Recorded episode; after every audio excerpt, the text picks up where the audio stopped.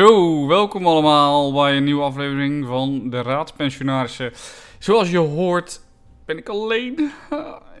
Mijn Mattie is ziek. Helaas, Donnie zit ziek thuis. Ja, te veel airco, hete dagen, te veel airco. Dus eh, ja, die heeft nu last van uh, zo'n beetje alles. Dus je zult het vandaag met mij moeten doen. Um, ja, dat is jammer, want het is de tiende aflevering alweer. Dus echt super gaaf dat jullie er allemaal uh, weer zijn. En dat jullie allemaal luisteren. Uh, tien afleveringen. We hadden echt speciale dingen in gedachten. vuurwerk, whatever. Maar ja, helaas. Toen hij ziek. Dus dat, uh, dat gaat het niet worden. Maar dat betekent niet dat we minder informatie voor jullie hebben. We hebben natuurlijk nog steeds samen alle onderwerpen uitgezocht. Dus uh, ja, die zul je vandaag van mij krijgen. Um, en dan gaan we maar eens gelijk naar de quizvraag kijken van vorig, vorige keer. En dat was natuurlijk welk bloedbad wordt elk jaar in Frankrijk gevierd? En we hebben besloten om er een... Uh, ja, we wilden er echt een main item van maken. Uh, maar dit is meer Donnie's ding. Uh, minder mijn ding. Dus ik ga een klein stukje behandelen over de bestorming van de Bastille. Want dat is natuurlijk wat er vandaag... Wat er vandaag, wat de 14e...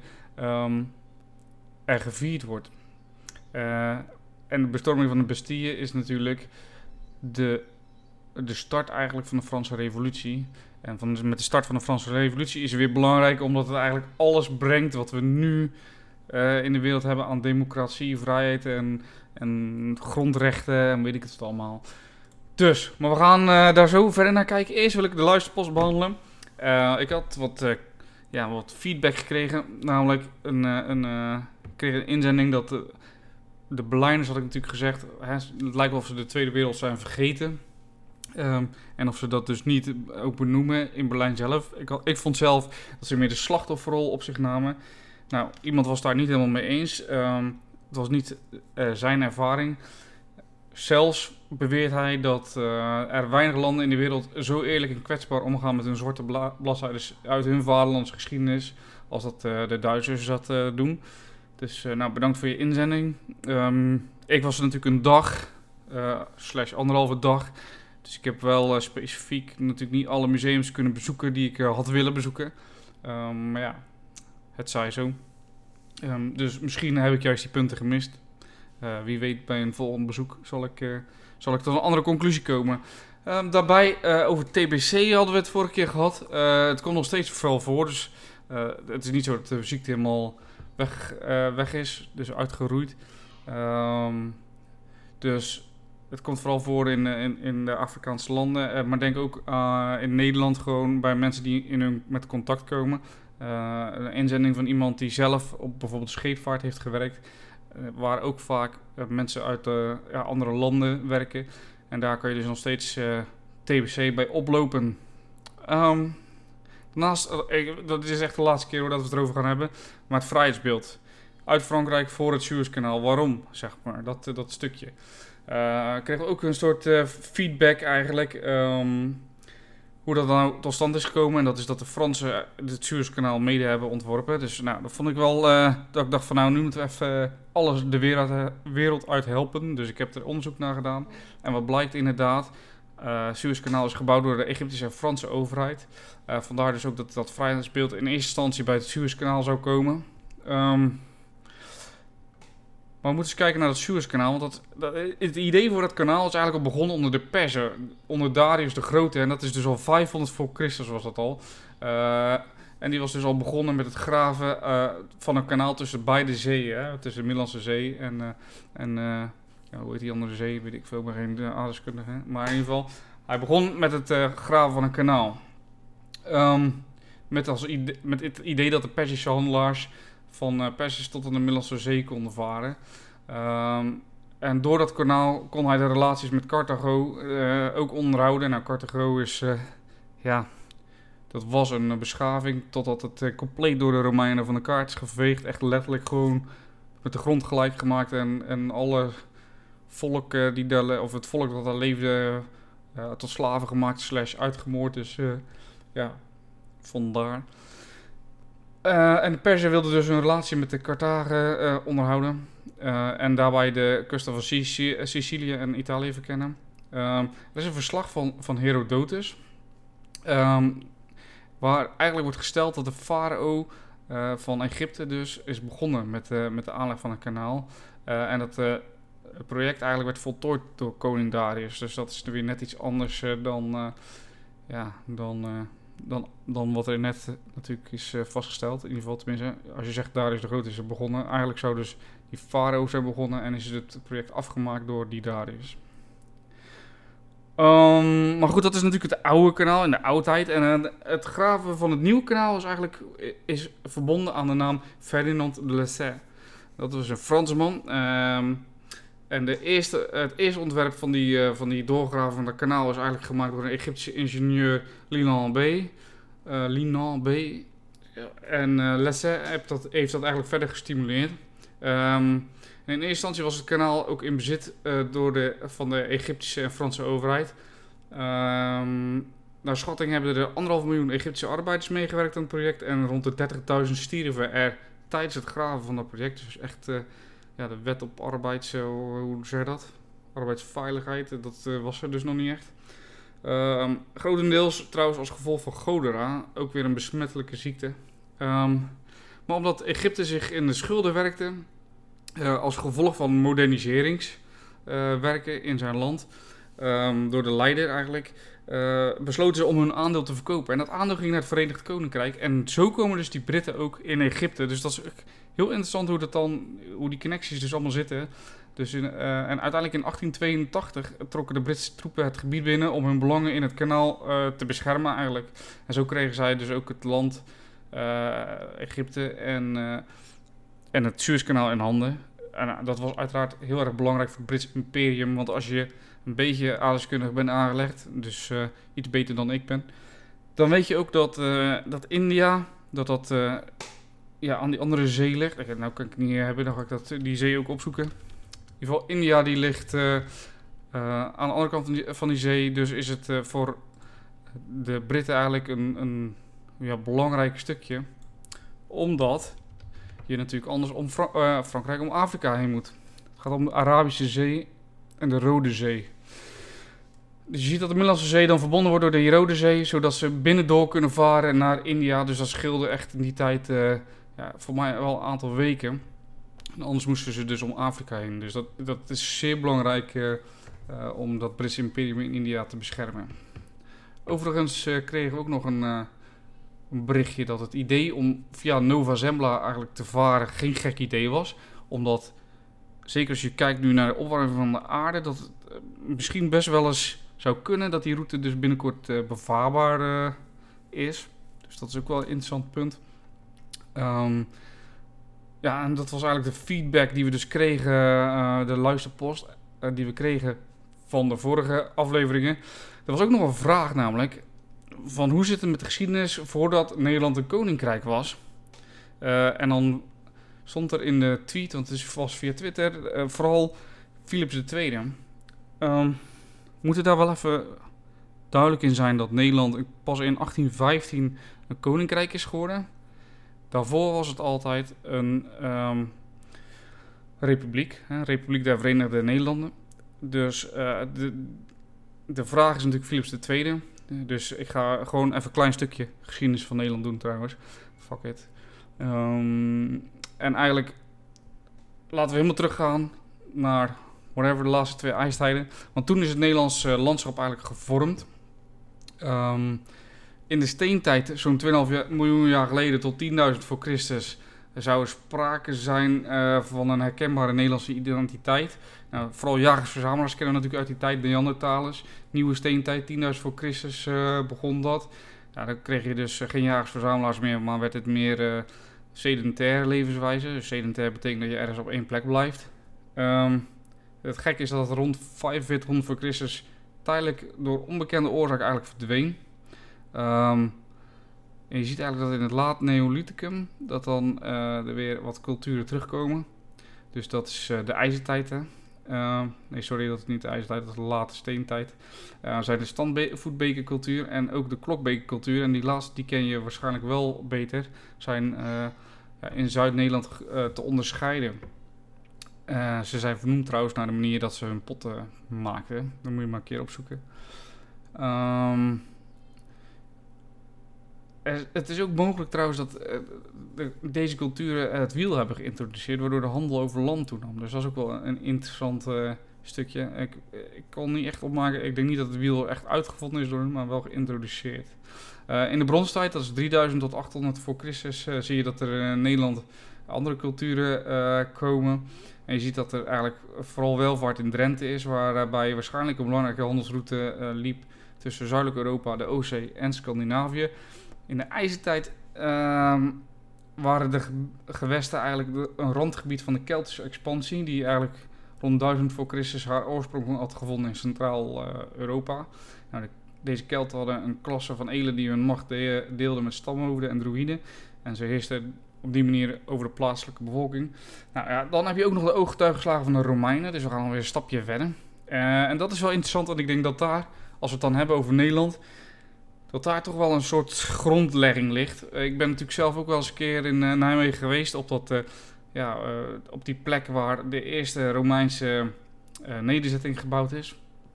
Um, en dat is dus in Nijmegen en dat heet, heette in de Romeinse tijd Novium Magus. Um, en daar is een van de eerste steden opgericht en dat heette het Oppidum Batavorum, oftewel de stad der Bataven. En dat ligt, rond het huidige Valkhof. Uh, en dat is op, rond het begin van de jaartelling is dat eigenlijk daar neergezet. En daar woonden de Bataven. En vaak wordt gezegd tegenwoordig dat die Bataven, dat dat eigenlijk ja, de, de oorsprong is van de Nederlandse bevolking uh, zoals we die nu kennen. Zij konden namelijk ook uh, heel goed zwemmen. Um, zo zijn er ooggetuigen verslagen van een, van een gevecht Waarbij dus troepen aan de overkant van de rivier een beetje stonden eh, uit te lachen, die Bataven. En dat die Bataven gewoon met paard en al het water in gingen. En dat paard aan het zwemmen was en die Bataven ernaast aan het zwemmen was. Er waren dus uh, vier krijgers. Ja, de vraag is natuurlijk, is dat propaganda voor nu? Of vanuit nu? Hè, dat die Bataven um, uh, onze voorouders zijn. Dus hoe, hoe, hoe erg kan je dat zeggen? dat is natuurlijk de vraag. Zijn Romeinen dan ook de voorloper van de Italianen. Weet je, het is zo, zoveel gemixt. Maar goed, het is een mooi verhaal natuurlijk. Laten we dat, uh, laten we dat voorop stellen. Uh, andere volken ook trouwens zijn namelijk de Friezen. Die wonen langs de kusten. De Saksen woonden in het oosten en de Franken woonden in het zuiden van Nederland. En vooral de Franken zijn belangrijk. Want um, ja, hier begint echt zeg maar, een beetje de geciviliseerde geschiedenis als je natuurlijk even de Romeinen niet, uh, als je die wegdenkt, hè, die, die hadden uh, Limes hadden die opgetrokken halverwege Nederland, uh, rond de rivieren. Dus daaronder was alles geciviliseerd. Daarboven kan je allemaal barbaren noemen of hoe je het ook noemen wil. En keizer Karel de Grote wist eigenlijk als eerste de Friezen en de Saksen aan zich te onderwerpen. Waardoor er een soort, ja sowieso verspreidde natuurlijk het christendom, maar daar ontstond echt een soort land ja, een soort Nederland ontstond daar. Uh, dat het gebied onder één uh, leider kwam, om het zo maar te zeggen. Maar goed, Karel de Grote, het nadeel van uh, feodalisme. Als jullie hebben opgelet, weten jullie wat feodalisme is. Feodalisme is, aangezien de Romeinen natuurlijk, het Romeinse Rijk viel weg. Dus er komt, de, de, het geld verdwijnt, handel verdwijnt, dat soort dingen. Dat, dat is allemaal het gevolg daarvan. En Karel de Grote is op een gegeven moment geeft hij een, uh, een stukje land aan zijn, een van zijn krijgsheren in ruil voor zijn diensten. Dus die krijgsheer vecht voor Karel de Grote. Hij geeft uh, Karel de Grote raad. Karel de Grote die zorgt dat hij een stuk land krijgt en die beschermt uiteindelijk ook zijn heer. En dat noemen ze dan het feudalisme. Maar het nadeel daarvan is uh, dat alles op een gegeven moment overgaat op, uh, op de zonen van die heren. Dat is in eerste instantie niet de bedoeling. Als zo'n heer doodging, zou het land teruggaan naar de koning. Die kon dat opnieuw ergens aan iemand geven. Um, dus dat speelt mee. Maar je ziet ook als Karel de Grote doodgaat, dan wordt het land wat hij heeft veroverd, wordt verdeeld onder zijn zonen. Nou, dat zijn er drie. En bij het verdrag van Verdun in 843 uh, werd dat Frankische Rijk dus verdeeld tussen drie kleine, of ja, eigenlijk kleinzonen zelfs al van Karel de Grote. Het, het huidige Nederland kwam bij Francia Media. Nou, je hebt het uh, midden, uh, ja, je hebt het linkerdeel dus van, van, van het Frankische Rijk, het middenste gedeelte waar dus het huidige Nederland bij hoorde en het rechtsgedeelte. Uh, en dat is dus um, het linkerdeelte is, uh, is eigenlijk het latere Frankrijk. Het, het, rechtse gedeelte is eigenlijk het latere het Heilige Roomse Rijk, waar ook het Habsburgse Rijk uh, een deel, of, of, ja, wat een deel uitmaakt van het Habsburgse Rijk. Dus ja, je ziet dat dat ehm, op die manier zie je dat ontstaan, dus tot, dat je eigenlijk tot aan de periode van dat Nederland onafhankelijk werd, onderdeel was van een ander rijk. ik hoop dat jullie er nog zijn. Het is een, een lang verhaal, maar we komen nu, we komen nu echt bij, bij de kern. Ehm, want er is ook een stam, de Burgondiërs. En die hebben een gedeelte van een ja, gedeelte van het land in. Uh, dit is trouwens nog steeds een provincie, de Burgondische provincie in Frankrijk. En de Burgondiërs die uh, begonnen best wel succesvol en ze hadden dus ook uh, Nederland veroverd. En dat viel dus onder Karel de Stoute. Um, en die Karel de Stoute, die had een enorme expansiedrang. Uiteindelijk was hij daardoor ook dood gegaan. En in 1477 sneuvelde, sneuvelde hij dan ook. Um, zijn vrouw is dan op dat moment zijn erfgenaam. En ja, we moeten een beetje door, voor, voor doorspoelen. En je ziet eigenlijk dat uh, op een gegeven moment komt uh, Maximilian van Habsburg komt, om de hoek kijken. En dat is een van de Habsburgse rijken. En Nederland hoort op een gegeven moment onder het Habsburgse Rijk. Spanje valt er ook onder. Vaak wordt natuurlijk gezegd, hè, we zijn in oorlogs... we zijn ons los gaan maken van Spanje. Maar dat is natuurlijk eigenlijk niet zo. We zijn ons los gaan maken van de Habsburgers, waar Spanje ook onder viel. Um, en aanvankelijk zou natuurlijk eigenlijk Nederland onder Bourgondië vallen. Um, maar goed, de leider van Bourgondië is uh, overleden, hebben we net vastgesteld. Zijn vrouw is uh, eigenlijk de enige erfgename. Um, en, en, door middel van huwelijkspolitiek kan natuurlijk ook een land overgaan. Nou, dat was in dit geval, had het bijna, had Nederland eigenlijk in Franse handen kunnen vallen. Maar Lodewijk de 11e, die uh, dreef eigenlijk de erfgenamen van die Karel de Stoute, die Maria van uh, Bourgondië, in de armen van Maximiliaan van Habsburg. En zo komt dus eigenlijk Nederland in Habsburgse, uh, in Habsburgse handen. Um, uiteindelijk, door middel van toeval eigenlijk ook, zie je dat Karel V, de kleinzoon van die Maximiliaan, het Spaanse wereldrijk erft op verschillende manieren. En dan is dat Habsburger Rijk is dus ontstaan, waaronder Spanje, waaronder Nederland, uh, stukken van Duitsland. Um, en zo zie je eigenlijk dat wij daar komen. Nou, wat is er nog meer aan de hand natuurlijk? We hebben uh, aan de ene kant hebben we politieke dingen. Die, die Habsburgers die willen eigenlijk de politieke centralisatie willen ze. Ze willen centralisatiepolitiek invoeren. Ze willen dus van het één punt willen ze het Rijk besturen. En dat iedereen daarnaar luistert.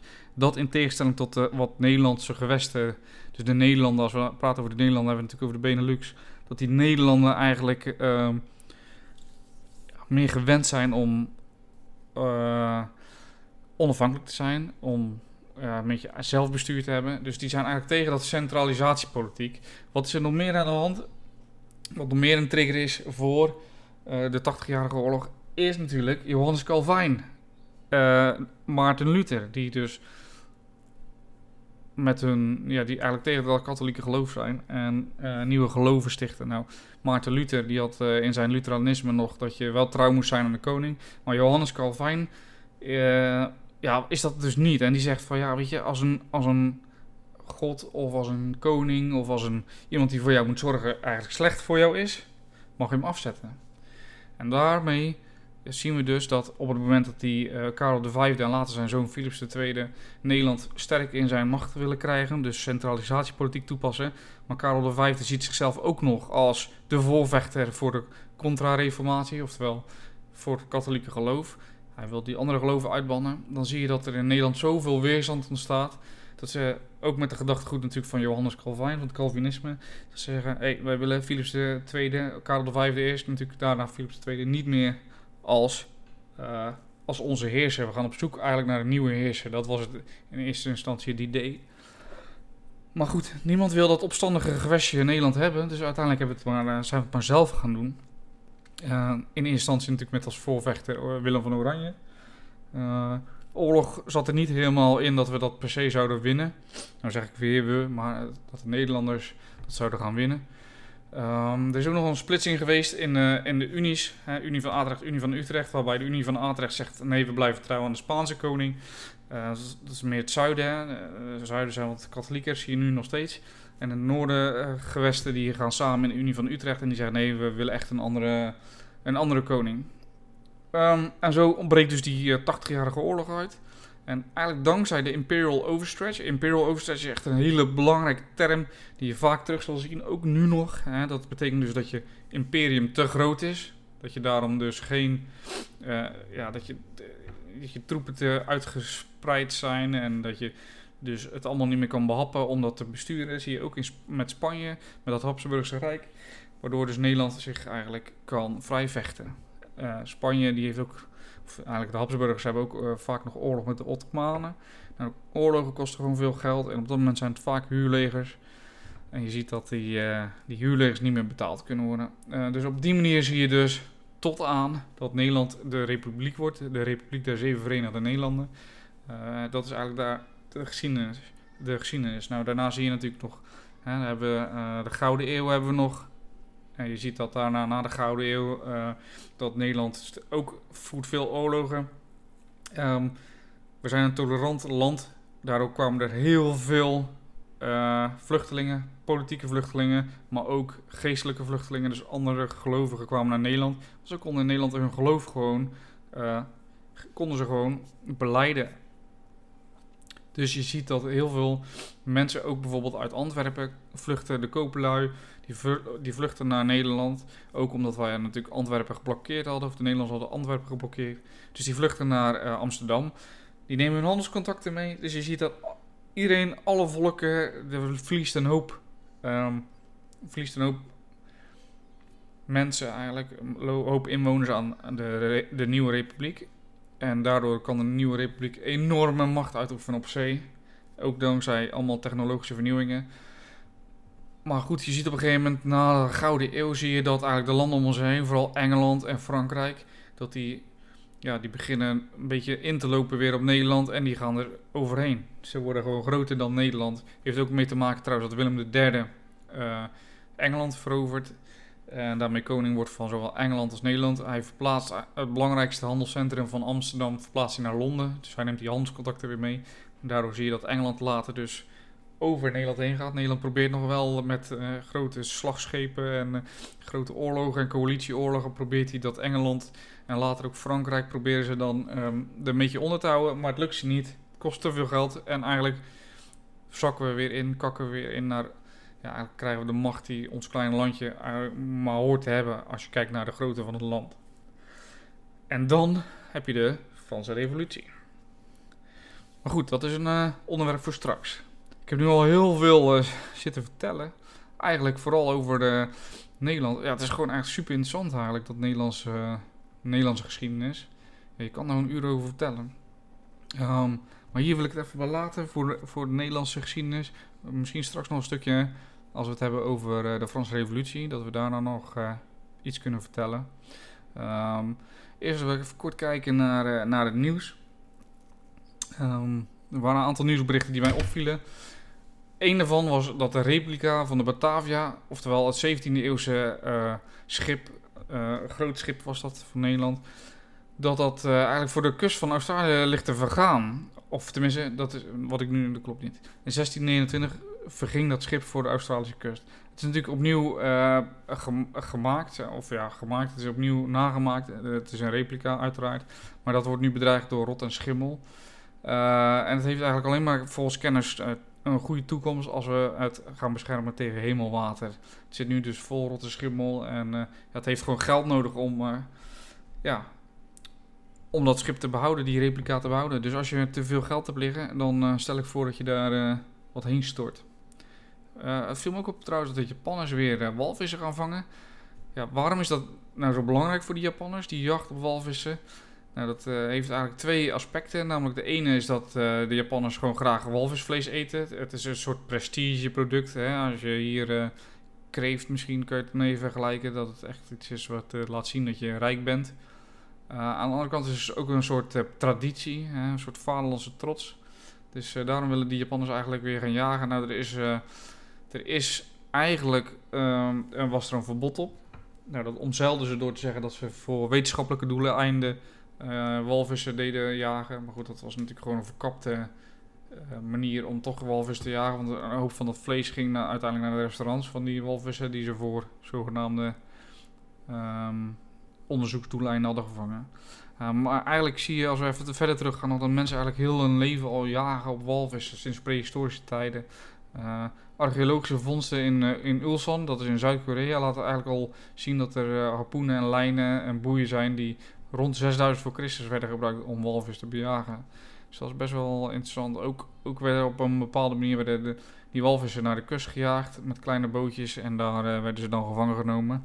Er gingen uiteraard wel om kleinere soorten. Um, ja, we zien ook trouwens dat Trump een uh, bezoek heeft gebracht aan datzelfde Korea, als we het dan toch over Korea hebben. Um, dat is op zich wel bijzonder. Ik ben benieuwd wat er uitkomt. Ik heb echt geen idee. Maar uh, ja, laten we het in de raad houden. um, ja, dat waren eigenlijk de belangrijkste nieuwsdingetjes. Even, even in het kort. We willen proberen toch wat minder uh, die algemene dingen, toch wat specifieker op bepaalde uh, dingen in te gaan. Ik hoop dat je het nog een beetje volhoudt met mij als enige prater. Ik kan me voorstellen dat ik, ja, dat je denkt van, gast, serieus. maar goed, hopelijk kan je naar me luisteren.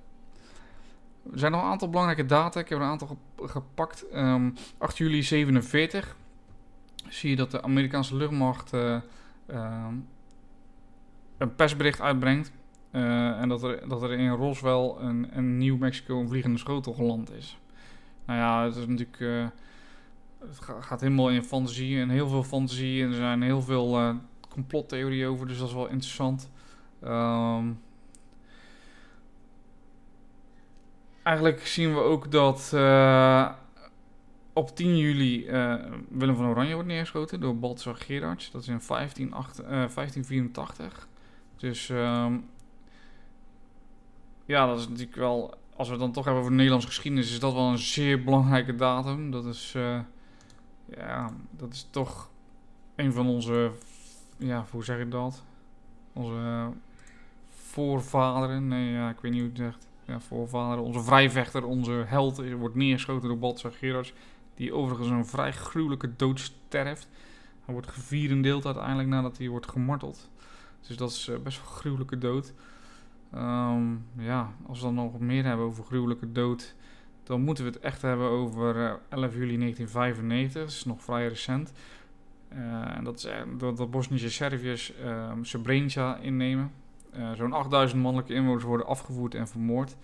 Ja, een zwarte bladzijde denk ik in de Nederlandse geschiedenis, want wij waren daar om hen te beschermen juist. Vanuit de VN, hè, VN Blauwhelmen. Dus dat is ja, een smet op ons blazoen, om het zo maar te zeggen. Er zijn natuurlijk recentelijk wel uh, ook rechtszaken geweest waarbij er gekeken werd ja, zijn de Nederlanders nou echt verantwoordelijk? Zijn er fouten gemaakt? Waar liggen de verantwoordelijkheden? Ja, blijft altijd een hekelpunt. Uh, vooropgesteld natuurlijk dat die soldaten die dat hebben meegemaakt, ja, die, die voelden zichzelf daar natuurlijk al rot genoeg door. En eigenlijk is, wordt er al een aantal keer geconcludeerd dat er op een, op een hoger niveau, dus op, op generaal niveau, dus niet op soldaatniveau, maar op generaal niveau gewoon fouten zijn gemaakt of dingen onderschat. Uh, zo zou Srebrenica als veilige haven aangeduid zijn, maar zou de top ook geweten hebben dat het eigenlijk helemaal niet kon, zeg maar, dat soort dingen. Dus dat is best wel, best wel heavy. Um, ehm, 9 juli 1596 trouwens, zien we dat Johannes Kepler um, uit de doeken deed hoe volgens hem het kosmos eruit zag. En hij heeft eigenlijk als eerste het heliocentristische theorie van, van Copernicus heeft hij gebruikt als uitgangspunt. Um, dus hij plaatste de zon in het midden van de kosmos als centraal lichaam. Dat was wel, wel interessant. Uh, uh, en hij schreef daar een boek over. Nou, dat was 9 juli 1996, of, 1596. Dus dat is, is interessant. Poeh, ja, ik ben alweer een tijdje aan het praten. We zitten alweer uh, in de dertigste minuut. Um, vorige keer hebben we natuurlijk heel erg uitgebreid gehad over de Eerste Wereldoorlog. Um, ja, dit is echt de laatste item wat we er nu in ieder geval aan willen besteden. Tenzij jullie natuurlijk met heel veel vragen komen. Ja, we willen het graag weten, laat het ons horen. Um, en het hoofditem, of tenminste het, het, het, stukje wat ik nu is eigenlijk het verloop van de Eerste Wereldoorlog. Um, en daarna laten we de Eerste Wereldoorlog even rusten voor wat die is. Uh, de Eerste Wereldoorlog werd er trouwens vooral in, uh, in Europa gevoerd, maar niet alleen. En waarom wordt hij dan Wereldoorlog genoemd? Uh, uh, want veel Engelse en Franse troepen uit de uh, vanuit de koloniën, die worden eigenlijk naar Europa gehaald. Dus denk aan uit Afrika, denk aan Marokkaanse, Marokkaanse troepen, Algerije komen troepen vandaan. En die worden in Europa ingezet. maar er zijn, zijn ook gevechten die daadwerkelijk in de koloniën plaats hebben gevonden. Denk, in, denk weer in, in Afrika. maar denk ook op de zeeën. Um, ja, die, die schaal van die gevechten buiten Europa vielen natuurlijk wel in het niets. Als we kijken naar de intensiteit van wat de gevechten in Europa zelf uh, zijn geweest.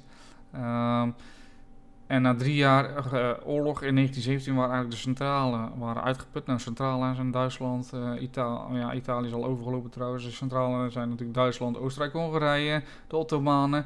Maar dat gold natuurlijk ook voor de geallieerden. De Fransen, de Russen en de Britten. En dus ook die Italianen die volgens mij in 1915 over zijn gestapt naar de geallieerden. Lekker sneaky van ze. Um, dus je ziet dat er eigenlijk een soort padstelling is van allebei eh, zijn ze uitge uitgeput. En wat nu? Je ziet ook trouwens dat de Russen eruit stappen. Hè? Want er is natuurlijk de, de Russische revolutie vindt plaats in 1917. Dus die stoppen ermee. Dus eigenlijk zie je dat aan de oostkant van Duitsland...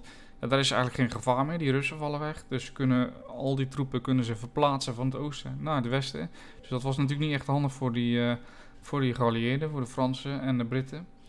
Um, maar uiteindelijk zie je dat ook de Verenigde Staten meedoet aan die strijd. Uh, die kon natuurlijk heel veel verse troepen sturen. Die had uh, ja, nieuwe gelden eigenlijk. En uh, daardoor konden dus die geallieerden alsnog winnen. Um, daarbij moet gezegd worden, en dit is echt een stukje, vind ik zelf, ik heb daar mijn scriptie over geschreven. namelijk de gevechten in het Midden-Oosten, het Ottomaanse Rijk. Je moet het maar opzoeken, het is echt een super groot rijk. en iedereen wil daar een hapje van, iedereen wil er een stukje van. Die Britten die Fransen en eerst de Russen ook, die wilden een stukje van dat Ottomaanse Rijk. En dat verdeelden ze dan ook onder elkaar, die Britten en die Fransen, in het Sykes-Picot-verdrag. En daarbij verdeelden ze dus grote delen van het Midden-Oosten onder hunzelf. Um, ik, zal, uh, een ik zal het plaatje posten op uh, Twitter van het Sykes-Picot-verdrag, dan kan je het zien.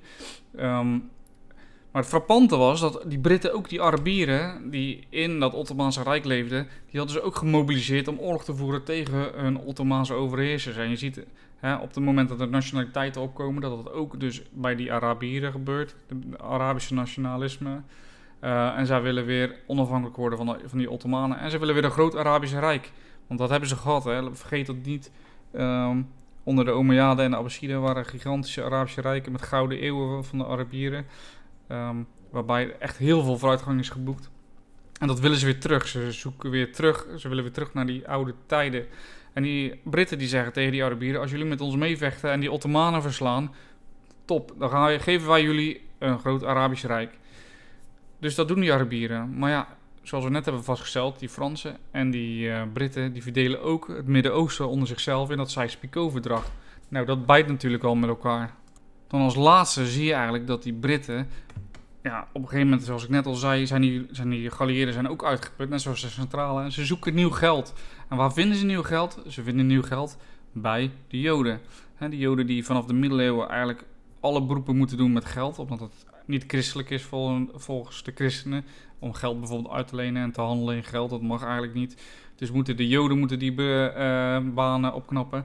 Um, Waarbij de Joden geen andere beroepen mogen uitoefenen. Maar goed, omdat zij dus met zoveel geld aan het werk zijn en zoveel handelscontact hebben, wordt het een heel rijk volk. Die Britten zoeken dus die steun van de Joden. En die verklaren in de uh, Balfour-declaratie op een gegeven moment uh, dat zij achter het idee staan van de Joden. Dat de Joden een eigen staat krijgen in Palestina. Dus je ziet eigenlijk dat die Britten drie beloftes doen. Eén, ze delen Sykes-Picot op.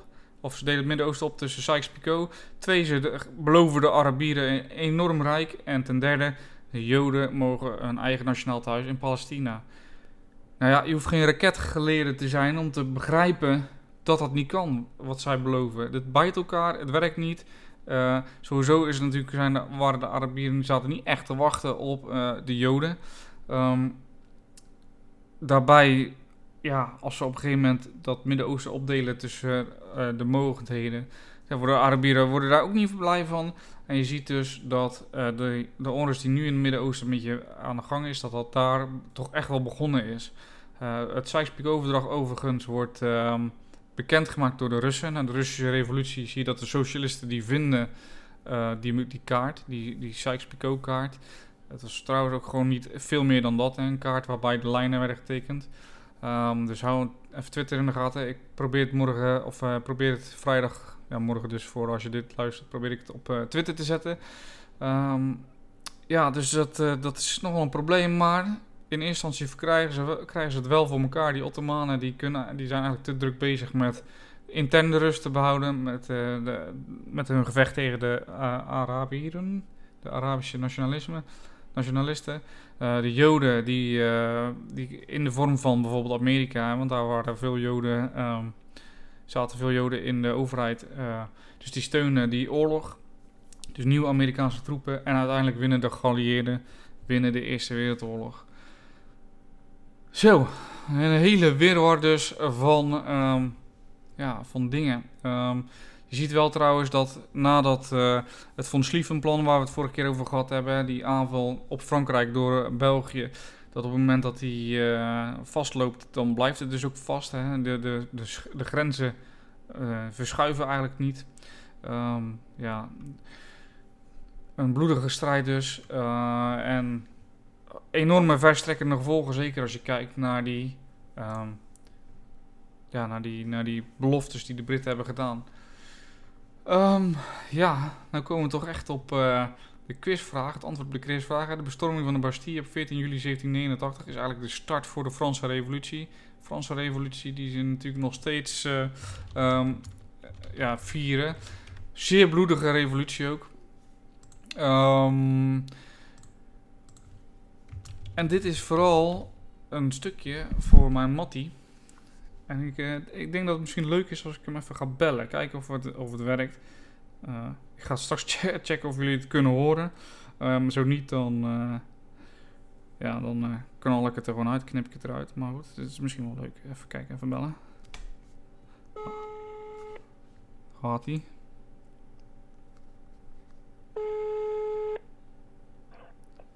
Yo, hallo. Yo, Motti. Ik ben aan het uh, opnemen. oh. oh, je bent aan het opnemen? Ja. Oh, oké. Okay. En waar heb je het nu over dan? Franse revolutie. oké. Okay. Dude, go. Bastille. Ja, de bestorming van de Bastille. Ik heb hem hier voor me. Uh, ja, ik, ik heb echt al heel veel uitgelegd over de Nederlandse... Uh, was kijkersvraag van Nederland. Ik heb het gehad over de, de Eerste Wereldoorlog. En ik ben aangekomen bij de bestorming van de Bastille. En ik denk, ik moet toch even mijn Mattie bellen. Misschien dat hij het weet. Nice. Ja, wat, uh, wat wil je weten? ha, ja, nou ja, uh, 14 juli 1789 hebben we de Bastille bestormd. Ja. Uh, de druppel die de emmer doet overlopen is natuurlijk dat een, een, populaire minister wordt ontslagen. Maar goed volk is... Zo, ja, je bent ziek hè? Ik heb het al gezegd. Ja, klopt. Uh, de bevolking is natuurlijk al pist omdat ze zoveel uh, belasting moeten betalen. En dat er uiteindelijk blijkt dat heel uh, Frankrijk weer bankrupt is. Um, maar ja, wat kan je nog meer vertellen over um, de, de, de, het verloop? Hè? We weten allemaal dat het bloederig, bloederig is. Veel, uh, hoe noem je dat? Dinges, kop, uh, koppenrollen. Maar ja, je weet, ja, het begin is natuurlijk nog niet, de guillotine is er nog niet natuurlijk in die periode. En er is ook vooral heel veel frustratie tegen, uh, ja, tegen het huidige ja, het huidige politiek, zou ik maar zeggen, van Lodewijk XVI. En uh, ja, er is natuurlijk ook een militie in het leven geroepen. Um, alleen ja, de bevolking zelf heeft geen wapens. En in principe, sorry, is die ook gaan verkrijgen door, uh, ja, door Bastille te gaan bestormen. En in die zin ook vijanden van de staat te bevrijden. Het vervelende aan, alleen is, is dat er echt uh, flinke criminelen zitten die eigenlijk daardoor ook vrijkomen. Ja. Ja, en uh, eigenlijk, maar ik begreep ook altijd dat het niet zoveel, uh, dat het niet zoveel was in die gevangenis, toch? Nee, dat klopt. Er was eigenlijk niet zo heel erg veel te vinden. Alleen het werd compleet opgeblazen natuurlijk. Als eigenlijk gewoon propaganda. Um, maar ja, goed, het is wel natuurlijk eerst de grote gewelddadige bloedbad wat ontstaat in, uh, in Frankrijk. En zo ook worden de bewakers en eh, ja, de soldaten, ik weet niet of het soldaten zijn of bewakers, die worden echt heel bloederig wel eh, vermoord. Ja. Nou, ondanks ze eigenlijk ja, vijanden van de staat aan het, eh, ja, aan het eh, verdedigen zijn. Echt flinke moordenaars en zo. Ja, ja, ja. Nou, ja, ik ben, ben zelf niet zo in de Franse revolutie. We zien wel natuurlijk op een gegeven moment dat er een soort... eh, als op een gegeven moment alle leiders gewoon een kopje kleiner worden gemaakt... dat er een, eh, een, een gat komt eh, in, in een machts, machtsgat, zeg maar. Machts, machtsvacuum, zo heet het. En dat eh, Napoleon daar natuurlijk inspringt. Ja, dat is natuurlijk niet gelijk. Dat is echt heel geleidelijk. Ehm, want je weet, ja, Robespierre, ik weet niet of je het over Robespierre hebt gehad. Nee, nee, nee, dat is meer jouw ding, weet je. Dus, eh, Nou Robespierre is natuurlijk degene die de directoire een beetje leidt. Dus oftewel, eh, degene die dus wanneer de, de Lodewijk XVI dan uiteindelijk eh kopje kleiner wordt gemaakt, die, die neemt een beetje de leiding daarin.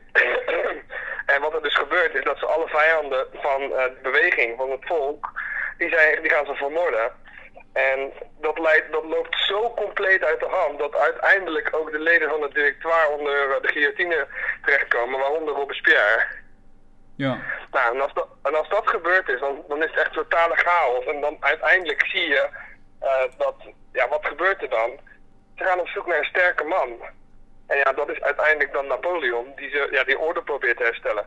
En dat zie je ook ja, door heel de geschiedenis heen dat dat gebeurt. Denk aan Hitler, denk aan Julius Caesar. Ja. Heavy shit. Ja, ik heb nog wel een leuk weetje over Julius Caesar trouwens. Vertel. Nou, ehm, juli, de maand juli, is vernoemd naar Julius Caesar, ten eerste. Oh, een inkoppertje. Ja. Ja. En ehm, het, het leuke is, wij doen natuurlijk altijd eh, terugblikken per dag, per maand en zo. Maar wist je dat hij degene was die eh ons huidige kalender heeft ingevoerd? Holy crap, mind is blown. Ja, en dat komt uiteindelijk doordat ehm, ja, er waren zeg maar een aantal machthebbers eh, in, in, ja, nog in de republiek, de eindtijd van de republiek. En ja, Julius Caesar was er één van. Die was echt een, een militair en die was een, een goede strijder. Die ging samen met, eh, met Pompei en eh, Marcus Crassus, dat is dus eigenlijk een van de rijke politieke mannen in, in Rome, gaan ze verbond aan. Alleen ja, Caesar wordt zo machtig dat ze hem weg willen hebben. Ja. En wat doet hij? Hij is een slimme man. Hij gaat naar eh, Germania en hij gaat, oh nee, eh Gal, Gallië, gaat hij daar, gaat hij eh, dat land veroveren en hij wordt de held van het volk. Nou, het mooie is, uiteindelijk, na al die ellende, al die drie gasten hebben uiteindelijk oorlog met elkaar, komt hij in Rome en wat blijkt? Het is complete chaos. En, en de kalender loopt 40 dagen achter. 40 dagen Dus achter. wat doet hij? Ja, die loopt 40 dagen. De Rome was zo- zo'n zootje dat ze niet eens meer konden bijhouden eh, hoeveel tijd er voorbij was gegaan. Holy De kalender liep gewoon 40 dagen achter. En toen heeft hij dus de kalender eh, ingevoerd zoals wij hem nu kennen. Vet.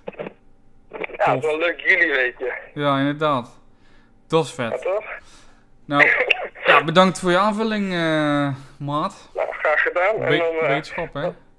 nou, dank je. Dan zie ik jullie, of hoor ik jullie volgende week weer, denk ik dan. Is goed. Ik ga even checken of dat dit een beetje overkomt op deze manier. Eh, Ah, dat, komt- dat komt wel goed, joh. anders knip ik je er gewoon uit. Je weet het zelf. Nee, man. Ja. is goed, man. Oké, Is goed. Later. Later.